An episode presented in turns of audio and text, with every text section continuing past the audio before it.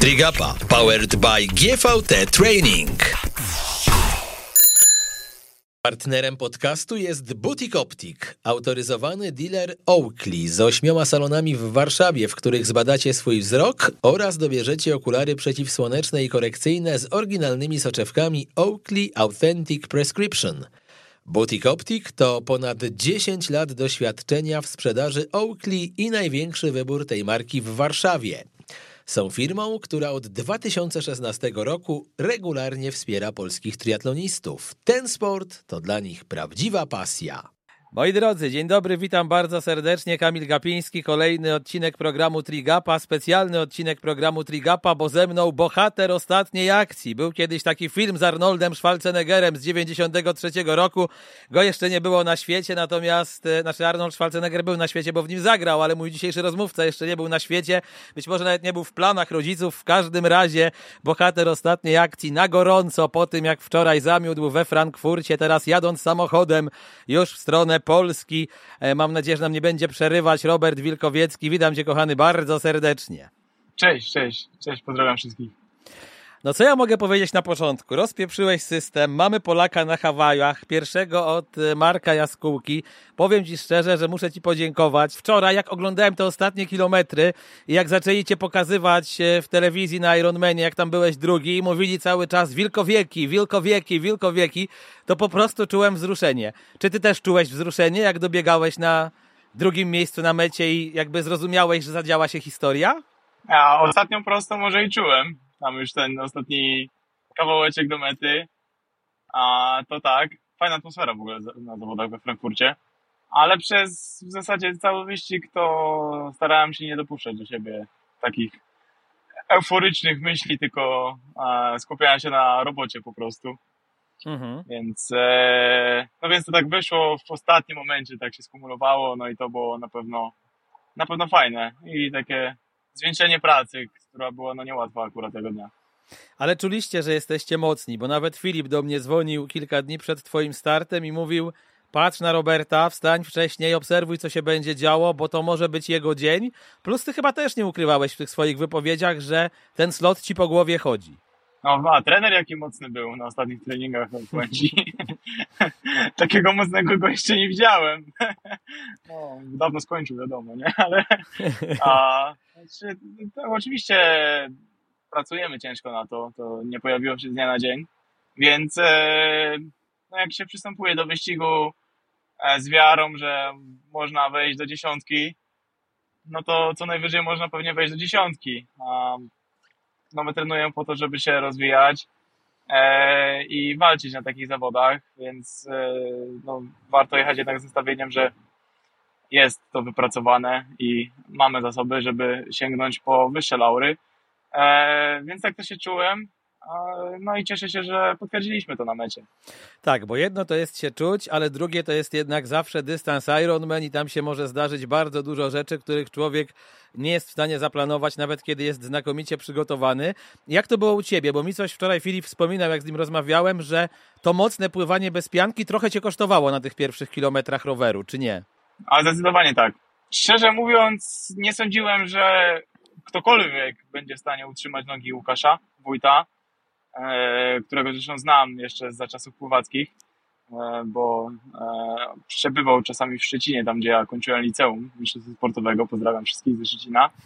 No i chyba się nie zdarzyło jeszcze nigdy w startach Łukasza, żeby ktokolwiek z nim płynął. A tutaj tak trochę z przypadku, może nie z przypadku, tylko z, z dobrego przygotowania wynikło to, że e, zrobiła się pięcioosobowa grupka, w której, no, z, z którą się zabrałem, bo sądziłem, że to może być dobre dla przebiegu dalszej rywalizacji, jeśli taką kilkuosobową grupką pojedziemy dalej na rowerze. No ale niestety, jak się za kilka kilometrów roweru ukazało, to nie była e, dobra taktyczna decyzja. Taki Brytyjczyk, który akurat przez większą część roweru jechał solo na prowadzeniu, po prostu rzucił się tak mocno na ten początek roweru, narzucił takie tempo, że no, raczej szaleństwem byłoby to jechać na pełnym dystansie, a dodatkowo Łukasz e, miał w planach i tak zejść po pierwszej pętli roweru, co wiedziałem. I tak naprawdę zostałem tak w zawieszeniu z jeszcze jednym Holendrem, który też mówił, że czuł, że pływanie było mocne i raczej miał słabe nogi. No i wypaliłem tej energii na początek, e, na pierwszych w zasadzie półtorej godziny bardzo dużo. A miałeś do siebie wtedy, wiesz, taką pretensję trochę na zasadzie po cholerę cię taka łańska fantazja poniosła, trzeba było trochę wolniej popłynąć i byłoby, byłoby lepiej, czy jednak uspokoiłeś się i jakby doszedłeś do siebie szybko? A może szybko do siebie nie doszedłem, bo wiedziałem, że ta energia, no tutaj nie ma systemu KERS, czy jak to tam się w Formule 1 nazywa, no nie odnowi się, na, nie, nie zajadę do Ma McDonalda po jakiegoś hamburgerka i... I fry, fryteczki duże z ketchupem. Tak jest, z, no, z nowymi siłami. Także no, troszkę żałowałem w pewnym momencie, że no szkoda mi było tego dobrego pływania, bo jak się okazało, można było płynąć spokojnie w nóżkach tam e, tej grupki co wyszła za mną i w zasadzie oszczędza się bardzo na tym pływaniu, e, no bo jednak dwie minuty wolniej przy tym dystansie e, i też w takiej dużej grupie raczej można troszeczkę za darmo popłynąć, a, więc, e, więc troszkę mi było szkoda, że ta energia została tak trochę roztrwoniona. No ale skupiałem się na akurat już teraźniejszej pracy, na tym, co muszę zrobić no, teraz na, na tym etapie wyścigu. E, I myślę, że dalszą część rozgrywałem całkiem odpowiednio e, na to, jak byłem przygotowany. A kiedy złapałeś znowu, wiesz, te, kiedy tę siłę znowu złapałeś na rowerze? Po którym kilometrze, tak wiesz, poczułeś, że ona wraca i że już jest okej? Okay? Ogólnie czułem się cały czas w miarę dobrze, ale troszkę z biegiem wyścigu zacząłem się rozkręcać. Na drugiej pętli, na początku drugiej pętli roweru, e, a były dwie, e, było trochę podjazdów więcej i a tempo też wzrosło, ta nasza, bo zjechała się bardzo duża grupa na rowerze, ja w niej byłem i ona zaczęła się rwać tam, były różne próby odjazdów, ataków e, i wiedziałem, że po prostu muszę tam być. E, i przez kilkadziesiąt kilometrów w zasadzie jechałem na takim trochę autopilocie, e, starałem się ustawiać tam, gdzie powinienem być. E, i no, no, duża część chłopaków odpadła w tym momencie, gdzieś tam się to porwało, a ja na szczęście znajdowałem się w odpowiednich miejscach e, i no i dalej kontynuowałem wyścig na, myślę, dobrej, do, do dobrej pozycji cały czas. Więc e, szczerze powiedziawszy, nie wiem, czy, kiedy złapałem energię, czy, czy to było tak, że się rozkręciłem. Ciężko powiedzieć. Tu robiłem to, co w danym momencie było odpowiednio potrzebne, optymalne. Przynajmniej starałem się, więc e, były momenty, że było spokojnie, ale za chwilę był taki mocniejszy zaciąg, więc także to tak naprawdę był taki dość chaotyczny, można powiedzieć, wyścig, co pewnie z boku nawet aż tak bardzo nie wyglądało gdzieś tam na transmisji. Dziwnie się poukładał ten wyścig, muszę powiedzieć. Eee, no ale jestem zadowolony, że, że mimo różnych gdzieś tam e, rozwiązań na trasie potrafiłem sobie radzić z różnymi rzeczami, więc, więc to jest na pewno tak dobry prognostyk przed, przed e, dalszą pracą tak naprawdę dla nas. Okej, okay, e, teraz tak, schodzisz z roweru, zaczynasz bieg, jak się czujesz? Czujesz, że jest ten zapas, że jest ta moc, że możesz mocno ruszyć, czy, czy w jakim stanie kończyłeś ten rower? Już wiesz, chcę, żebyśmy sobie ten start na czynniki trochę pierwsze Aha. rozłożyli, mamy czas, dlatego mamy nadzieję też, że będziemy mieli zasięg w trakcie twojej podróży cały czas, dlatego, dlatego dopytuję o szczegóły. A mięśniowo czułem się bardzo dobrze, ogólnie też e, cały czas miałem dobre skupienie, nie czułem się źle. E, na początku biegu doskwierał mi ból stopy, co było takie trochę dziwne. I starałem się, no w przeciwieństwie do tego, co pobiegłem w Meksyku w Kozumel, gdzie po prostu rzuciłem się na początku biegu i później za to płaciłem. E, tutaj skupiałem, skupiałem się bardziej na tym, żeby e, wprowadzić się spokojnie w bieg, e, dobrze odżywiać i ewentualnie rozpędzać dalej. No miałem plan, żeby rozpędzać się trochę później, e, ale jak troszeczkę przyspieszyłem, to ten ból stopy zaczął e, się jakby niwelować. Nie wiem, czy to dlatego, że po prostu zaczęły inne partie boleć. Stara, stara zasada, też... że większy ból wy, wypiera mniejszy, słuchaj. Dokładnie. Także większe mięśnie zaczęły może boleć, bardziej dlatego, albo po prostu trochę się wtedy ta technika biegu delikatnie zmieniła, e, więc, więc rozpędziłem się trochę wcześniej niż planowałem, za co pewnie bardziej płaciłem na końcówce, znaczy bardziej e, musiałem przycisnąć pod koniec, bo, bo, bo, bo na pewno zmęczenie się pojawiło i, i te trudy wyścigu od samego startu, który był no, szybki, na pewno one wyszły. E, ale, ale ogólnie czułem się całkiem ok przez cały czas. To nie było tak, że jak w jakimś momencie pojawił się Jakaś e, bomba, która cię kryzys, prawie tak. właśnie z nóg zmiotła, nie było takiej na bieganiu. Tak, no tak, takiego czegoś e, strasznie nie było. Chociaż no nie powiem, że było, że był to spacerek, bo, bo nie był.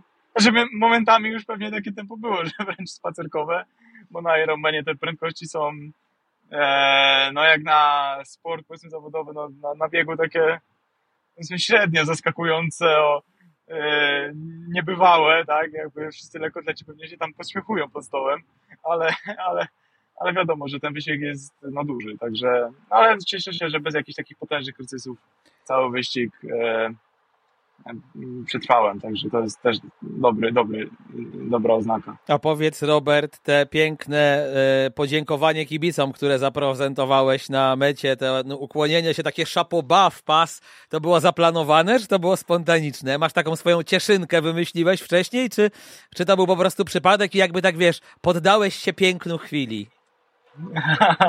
No tak, we Frankfurcie jest tak pięknie po prostu. Słuchaj, E, naprawdę, naprawdę atmosfera na zawodach jest bardzo fajna, e, to muszę przyznać. E, no i my jako zawodnicy tak naprawdę, no co, no, my tworzymy ten spektakl, tak? No my jesteśmy trochę pracownikami branży rozrywkowej, można powiedzieć, tak? No bo czym jest sport, jak nie emocjami, tak e, dla kibiców przede wszystkim. E, więc e, na koniec, jeśli jest na to czas, no to e, w ten sposób gdzieś tam dziękuję kibicom. No i, i wszystkim osobom w tym uczestniczącym. No wi- wiadomo, że wizualizuję różne elementy wyścigu, metę czasami też, co jest czasami przyjemne, a raczej to wychodzi spontanicznie. Takie Ciekaw jestem, akurat. czy jak patrzyłeś na tę listę startową przed e, wyścigiem, to właśnie myślałeś, że Chevrolet i Mignon to będą twoi najgroźniejsi rywale, czy raczej upatrywałeś w innych zawodnikach, czy w ogóle się nad tym nie zastanawiałeś, bo wyszedłeś, wiesz, z założenia, że to ty masz być mocny, a jak ty będziesz mocny, to będzie dobrze i nie ma co tych innych e, zawodników gdzieś tam sprawdzać przed startem. Jak to do tego podchodziłeś? A niekoniecznie zastanawiałem się, kto będzie głównym rywalem na sam koniec wyścigu.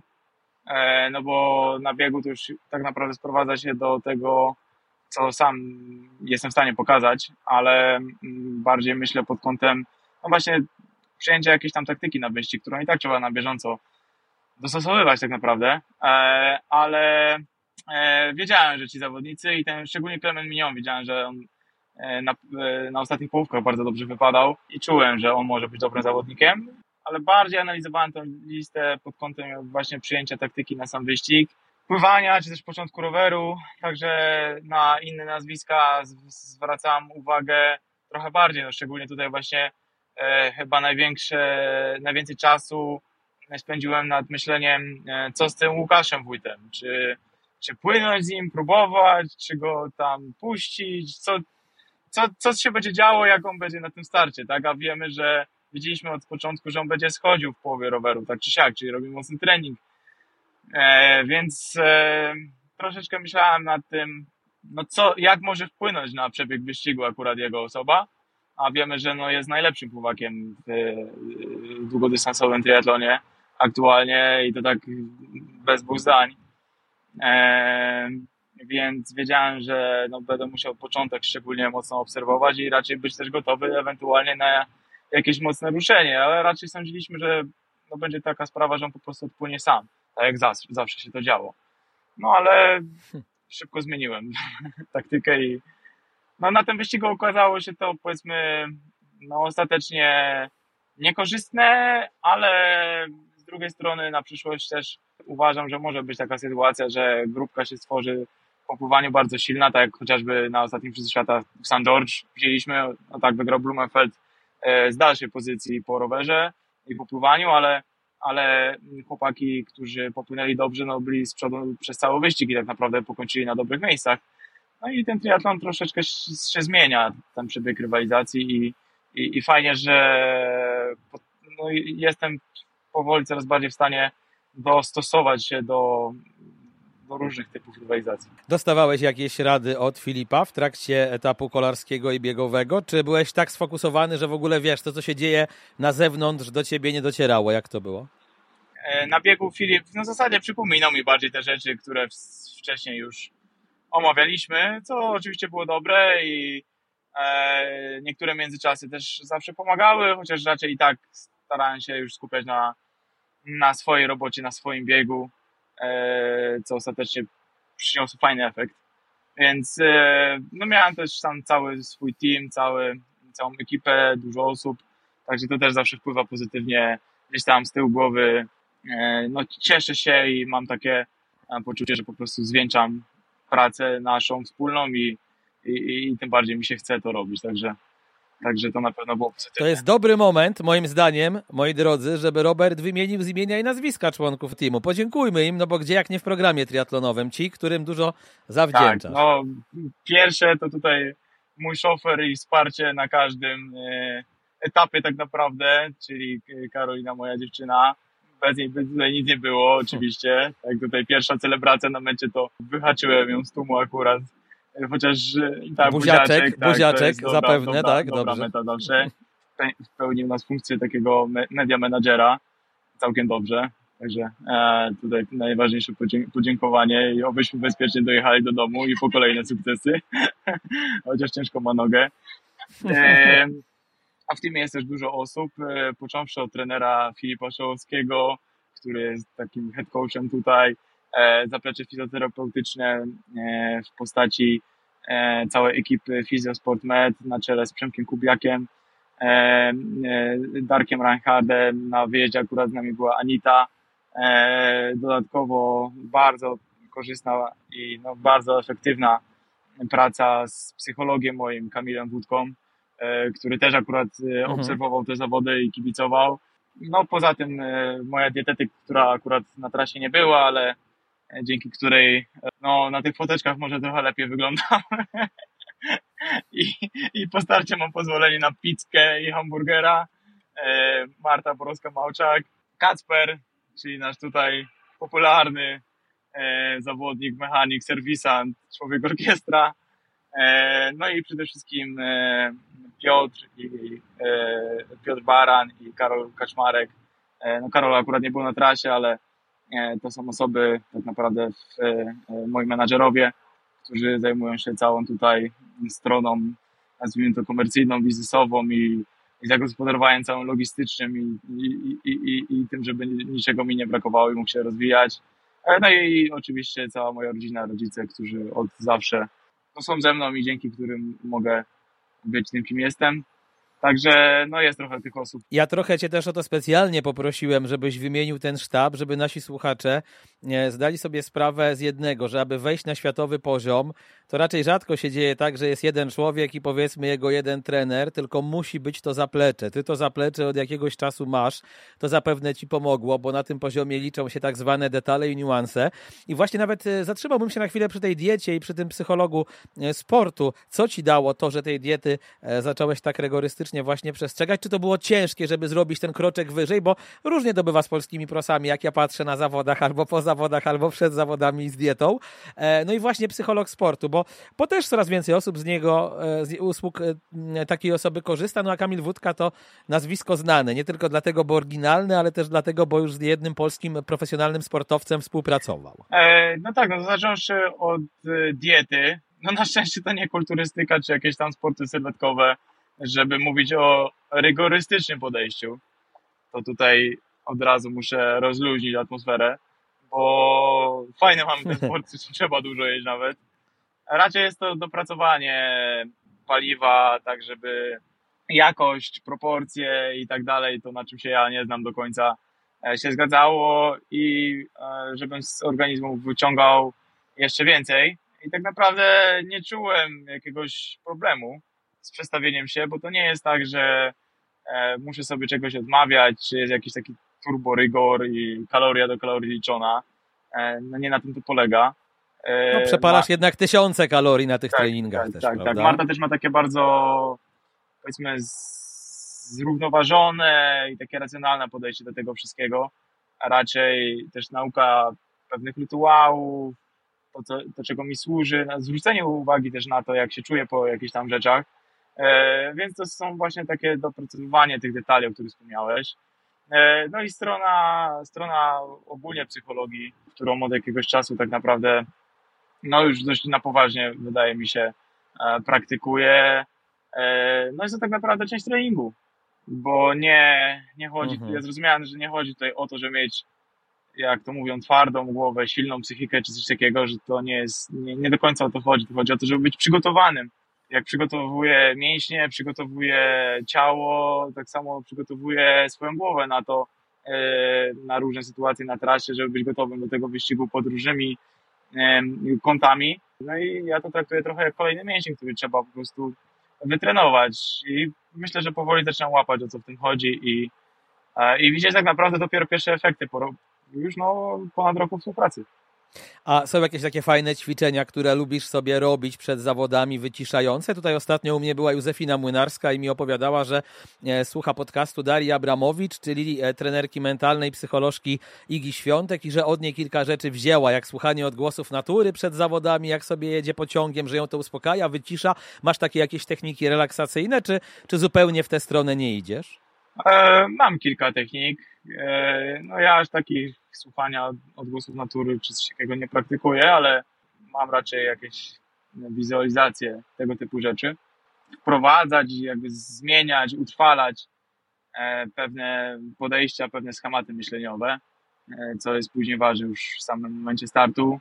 Jest to też trening na pod kątem takiego uspokajania się, który nawet można w jakimś stopniu nawet monitorować, co też tak zrady są nawet takie urządzenia, które rzeczywiście analizują stan jakby rozluźnienia i różne są zabawy tego typu. E, no ale przede wszystkim jest Mhm. taka praca na co dzień i zrozumienie wielu, wielu zależności, wielu szczegółów tak naprawdę, które robią tą subtelną, ale jednak znaczącą na koniec różnicę. Ty wyżej cenisz ten wynik z Frankfurtu, czy to 7,42 z Kozumel? Jak ty na to patrzysz? A pod względem stricte sportowym to wynik z Frankfurtu, zdecydowanie. Pod względem dobrego doświadczenia, nauki i tak dalej, to oba te starty są dla mnie cenne. Ale jak patrzeć czysto sportowo, to, to zdecydowanie Frankfurt jest e, ważniejszym osiągnięciem.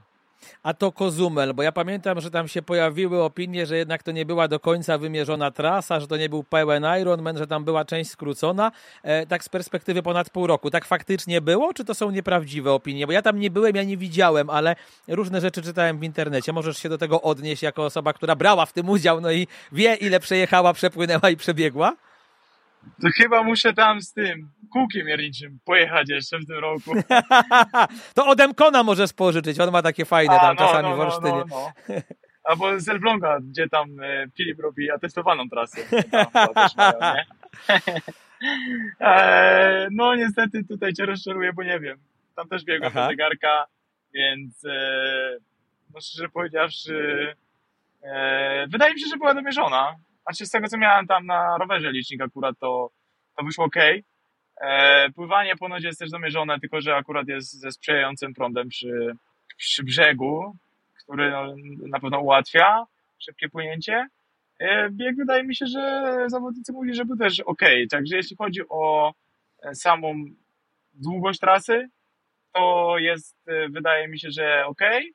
E, Jeśli chodzi o warunki, które tego dnia były dość sprzyjające, no to też tak było, oczywiście. I sam wyścig sobie był dość szybki. Też wiatr na trasie akurat tego dnia e, na trasie kolarskiej był całkiem, całkiem ok. No, padało co prawda dość mocno i to spowolniło jazdę na bardziej powiedzmy technicznych odcinkach w mieście, gdzie kałuże zrobiły się dość duże, ale ogólnie uważam, że to były dość szybkie po prostu zawody, także no ale poziom też rośnie triatlonu, tak? No jakby we Frankfurcie jest za to dłuższa trasa na jest 3 km więcej na rowerze, jest dużo przewyższeń, znaczy stosunkowo więcej niż w Kozumel zdecydowanie, a, e, a, a zawody są też i, i wymierzone dobrze.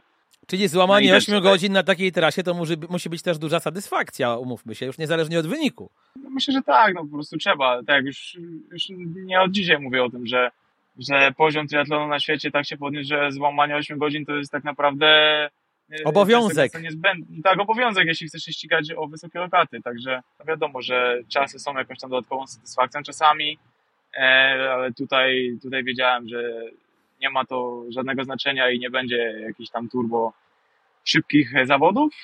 Chociaż no i tak wyszło to poniżej 8 godzin, więc, e, no więc to jest na pewno e, fajna gdzieś tam, fajny dodatek do tak? Chwilę przed zawodami we Frankfurcie była Warszawa, to 3.38 na połówce, rekord polski, a jednocześnie start, po którym mówiłeś, że dzień później mógłbyś już normalnie trenować, że jakoś specjalnie tam w pierdzielu nie dostałeś. Czy to było takie coś, co też ci pozwoliło już tak definitywnie uwierzyć, że Frankfurt może być twój, no bo wyobrażam sobie, że jak robisz połówkę w takim czasie i nie jesteś zdemolowany, no to też musi gdzieś tam na głowę pozytywnie zadziałać. E, no, znowu wracając do czasów, to były takie zawody, na których czas można było dość łatwo osiągnąć e, dość sprzyjające warunki na trasie, tak płasko wiadomo, z Zegrza do Warszawy. Alp d'Huez niestety nie leży, znaczy stety w sumie może, no na pewno przebieg rywalizacji e, i to jak się czułem na trasie, jakieś tam pewności mi jeszcze dodało. No, no czułem się tam naprawdę dobrze i wiedziałem, że na Frankfurt powinno być jeszcze lepiej.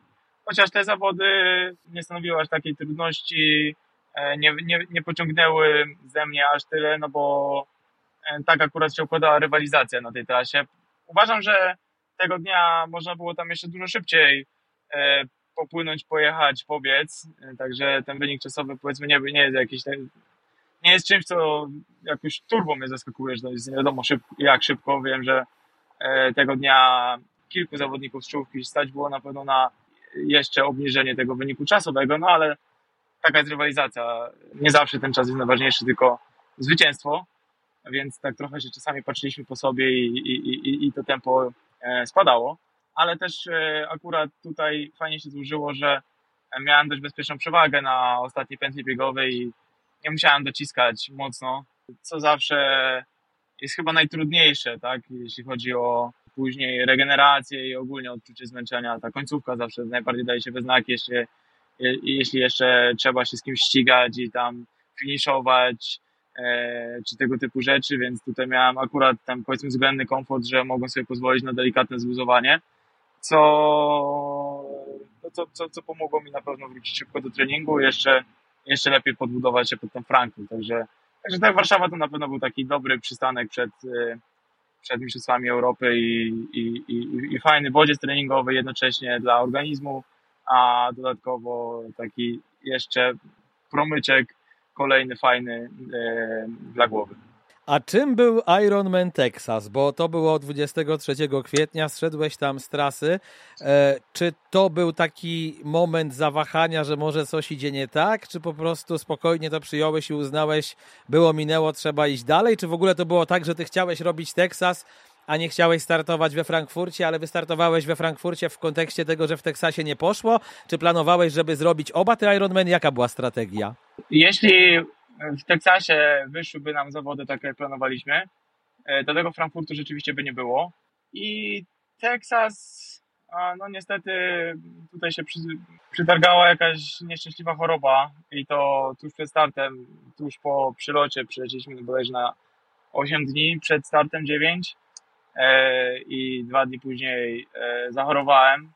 I to była w sumie moja druga choroba jakby w tych przygotowaniach zdążyłem się na tyle wykurować, żeby stanąć na tej linii startu i czułem się całkiem ok, chociaż zawsze wiadomo, wyścig weryfikuje. E, no ale na trasie po prostu, no jednak to jest Ironman, pewnie jakby to była połówka, to mogłoby być trochę inaczej, ale już nie ma co gdybać. Uważam, że kilka małych błędów w przygotowaniach, które no, też były cenną lekcją, e, popełniliśmy, wyciągnęliśmy z nich fajne wnioski, więc e, no, ten Texas kompletnie mnie nie, nie załamał wiedząc, że będę za chwilę schodził praktycznie, e, czy tuż po zejściu z trasy, już w zasadzie mieliśmy w głowach plany, jak to pokładać, co zrobić, czy jak to poprawić, także zrobiliśmy tak, żeby szybko wrócić do pracy i, e, e, no i kontynuować ten progres tak naprawdę, tak, bo to nie wzięło się, że a, w Teksasie byliśmy słabi i nagle we Frankfurcie mocni, tak, no to jest praca wieloletnia, która doprowadza nas do tego miejsca, więc no wiadomo, że to nie jest przyjemna rzecz, schodzić z trasy, czy tam e, nawet kończyć zawody, mm, e, nie realizując celu, ale takie rzeczy się zdarzają w sporcie i będą mi się zdarzać na pewno jeszcze nie raz, także to też trzeba zaakceptować. E, więc kompletnie się tym nie podłamaliśmy. Od razu wiedzieliśmy, co poprawić, jak zrobić, no i wykorzystać e, to, co, na, to na co pracujemy, no, następnym razem, tak? Także ten plan dość szybko został ułożony i tak naprawdę wprowadzony. E, zastanawiam się, czy Marek Jaskółka, ostatni polski prost na Hawajach, zadzwonił albo napisał wiadomość, albo się odezwał jakoś, nie wiem, nagrał ci coś, pogratulował tego, co się wydarzyło. Jak to jest?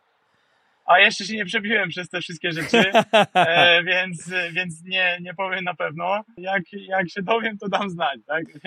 Na pewno Łukasz Wójt e, właśnie później stał przy trasie i kibicował. Tak? Ja widziałem go osobiście, mieliśmy przyjemność porozmawiać, e, wspomnieć nawet stare czasy, jak jeszcze wspólnie parę razy trenowaliśmy w Szczecinie e, na treningach pływackich, także no też dużo polskich głosów w ogóle słyszałem we Frankfurcie, tak?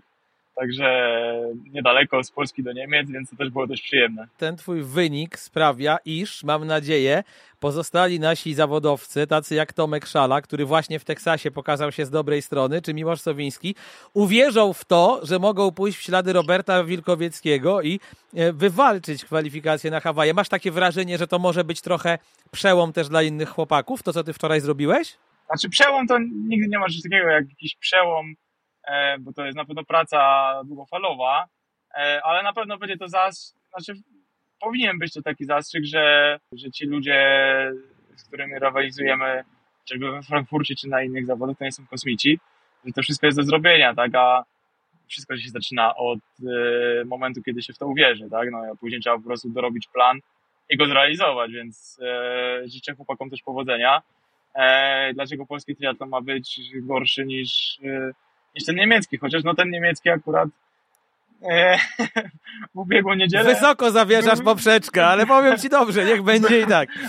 Wy, wypadł trochę gorzej, tak? No jakby no na pewno miejscowi kibice byli trochę zawiedzieni, że zawiedzeni, że e, żaden Niemiec i to jeszcze e, faworytem był ich miejscowy tutaj Paul, Paul Schuster, z tego co mi wiadomo, e, no, że, że nie stanęli na tym podium, więc, więc no, wszystko, wszystko można, wszystko się da plan Hawaje, no na pewno on się zaczyna już dzisiaj, albo zaczął się już wczoraj, no bo ta kwalifikacja wywalczona, trzeba odpowiednio On już się rozłożyć. zaczął dawno temu.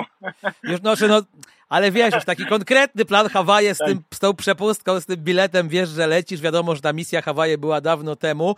E, jakie są te najbliższe tygodnie? Teraz rozumiem jakieś roztrenowanie, odpoczynek, wakacje, buziaczki, e, opalanko z dziewczyną, a potem, a potem co? E, a potem to samo cały czas. a potem rower, tak pływanie, bieganie. Nie zaskoczysz nas tutaj specjalnie.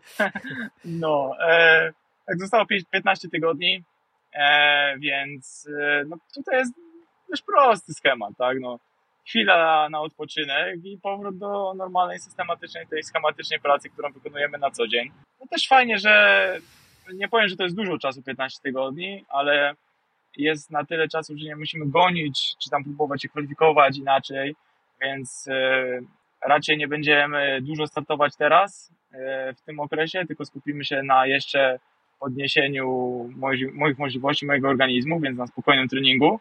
Później wylot na Hawaje, aklimatyzacja i start. Także tutaj w zasadzie ten sport od podszewki jest, e, no nie jest jakoś zaskakująco interesujący, ciekawy, no po prostu dużo roboty dzień po dniu. Bardzo, A coś w tej robocie zmieniliście w ostatnich, nie wiem, miesiącach z Filipem w 2022 roku? Jakiś bodziec dodaliście, odjęliście? E, była jakaś rewolucja w treningu w, nie wiem, ostatnich 6-7 miesiącach, czy tylko ewolucja? Jak to, jak to u Was wyglądało? Nie nazwałbym tego na pewno rewolucją, ale przez ten czas, e, od którym pracujemy, to szukaliśmy takiego raczej balansu i złotego środka pomiędzy e, objętością, intensywnością, e, regeneracją i tak, żeby znaleźć taki schemat, który rzeczywiście będziemy mogli kontynuować i nauczyć się, żebym ja też przede wszystkim się też nauczył e, czuć, wiedzieć i podpierać się monitoringiem,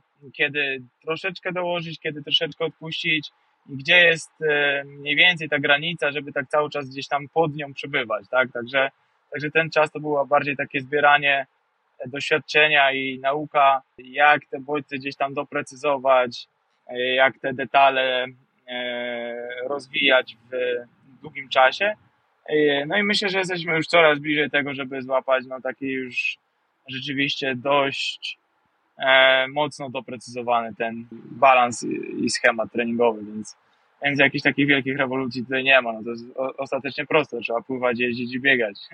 Ja znam bardzo dobrze Filipa, bo od 10 lat ciebie całkiem nieźle i wydaje mi się, że wy też pasujecie do siebie charakterologicznie, poczuciem humoru, takim spojrzeniem na świat. E, popraw mnie, jeżeli się mylę, bo może źle to oceniam, ale e, sądzę, że to też jest ważne w tej relacji trener-zawodnik, żeby się tak po prostu po ludzku lubić, bo wiadomo, że też są takie e, sytuacje, że trener może zawodnika nie lubić, ale po prostu płyną w tym samym kierunku, bo wiedzą, że ten trener zna już tego zawodnika i potrafi z niego wydobyć to, co najlepsze i tak dalej, i tak dalej ale chyba jednak przyjemniej jest, kiedy e, gdy ten gość do ciebie dzwoni, to nie odbierasz i nie myślisz, kurwa, znowu on, tylko raczej się uśmiechasz, że z nim pogadasz, nie?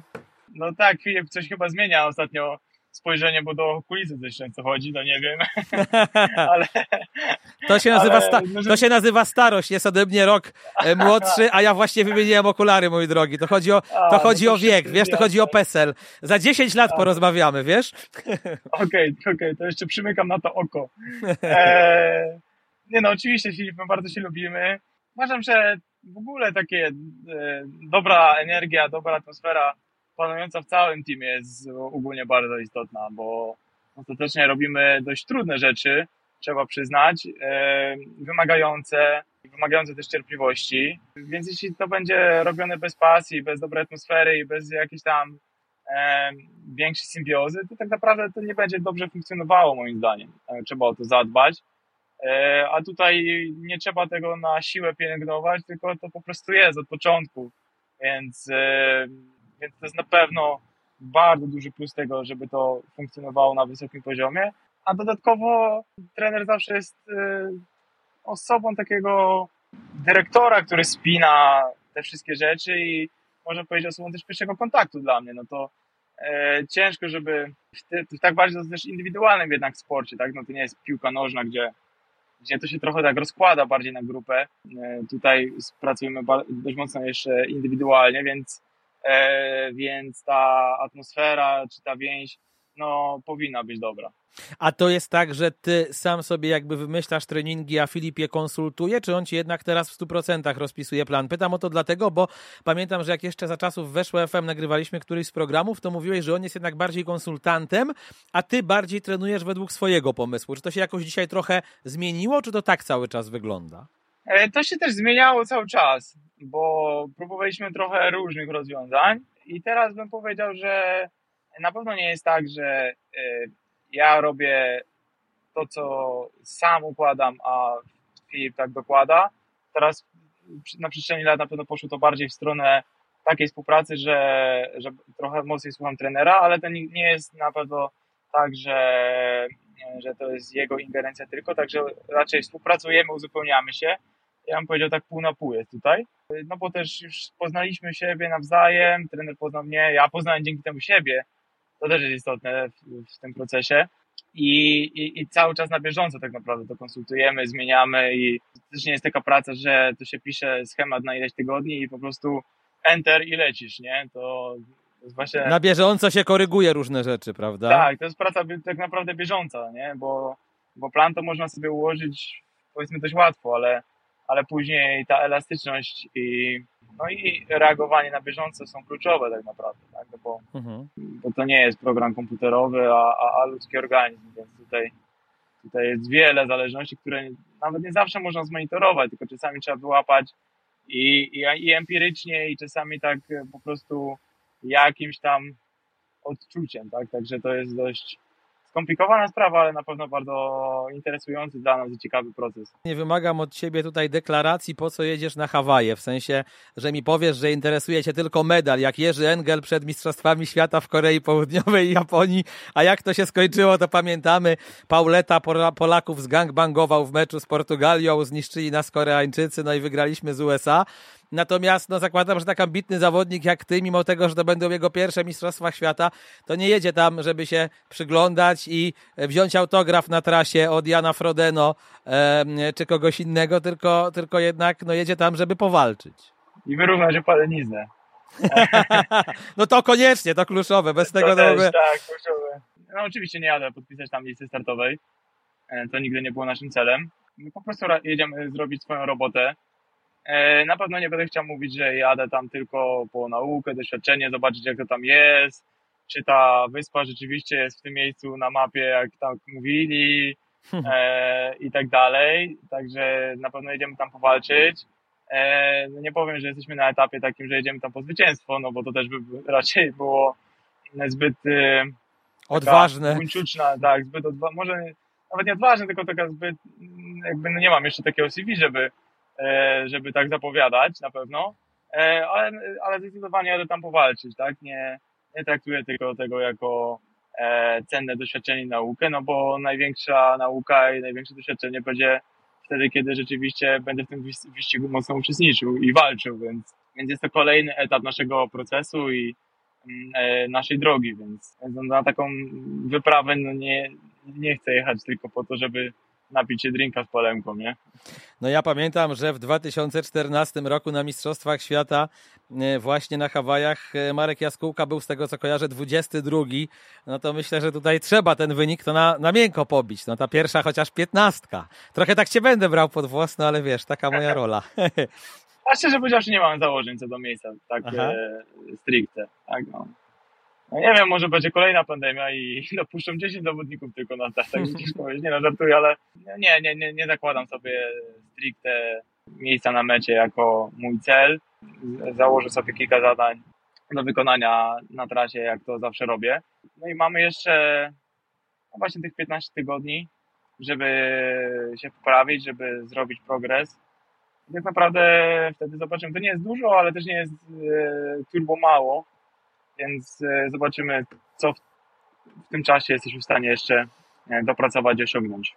Ja się zastanawiam, gdzie ty największe rezerwy widzisz i proszę o nieodpowiadanie w sposób, że wszędzie, tylko konkretnie, czy widzisz takie części triatlonu, gdzie jesteś właśnie w stanie przez tych kilkanaście tygodni do Hawajów pójść o kilka procent do przodu, a wiadomo, że na tym poziomie to już nawet kilka procent to, to robi różnicę. No kilka procent to jest to nie wiem, czy dzieli nawet tyle czołówkę. Wydaje mi się, że to są jeszcze mniejsze różnice. Może nami. dziesiąte części procenta, tak? Tak. E, jak mam tak na szybko mówić, to wydaje mi się, że cały czas największy e, możliwość rozwoju widzę w rowerze.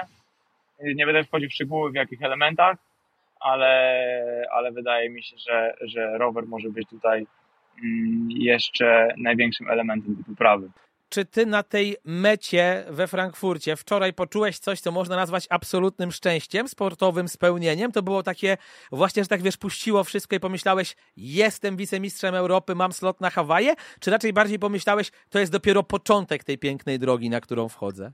Nie, no to na pewno nie pomyślałem tak, że jestem spełniony, to wtedy bym pewnie kończył karierę, e, a nie zamierzam jeszcze. Na pewno byłem w jakimś stopniu szczęśliwy, tak, no nie wygrałem, no ale zawsze to zwycięstwo to jest największe szczęście, takie po prostu czyste. E, więc raczej pomyślałem, ok, jest robota zrobiona, jest fajnie, oczywiście cieszymy się, jest fajny wynik, ale też nie było to jakimś turbo wielkim też zaskoczeniem, tak, no bo widzieliśmy, że e, po to pracujemy i też po to tam jedziemy.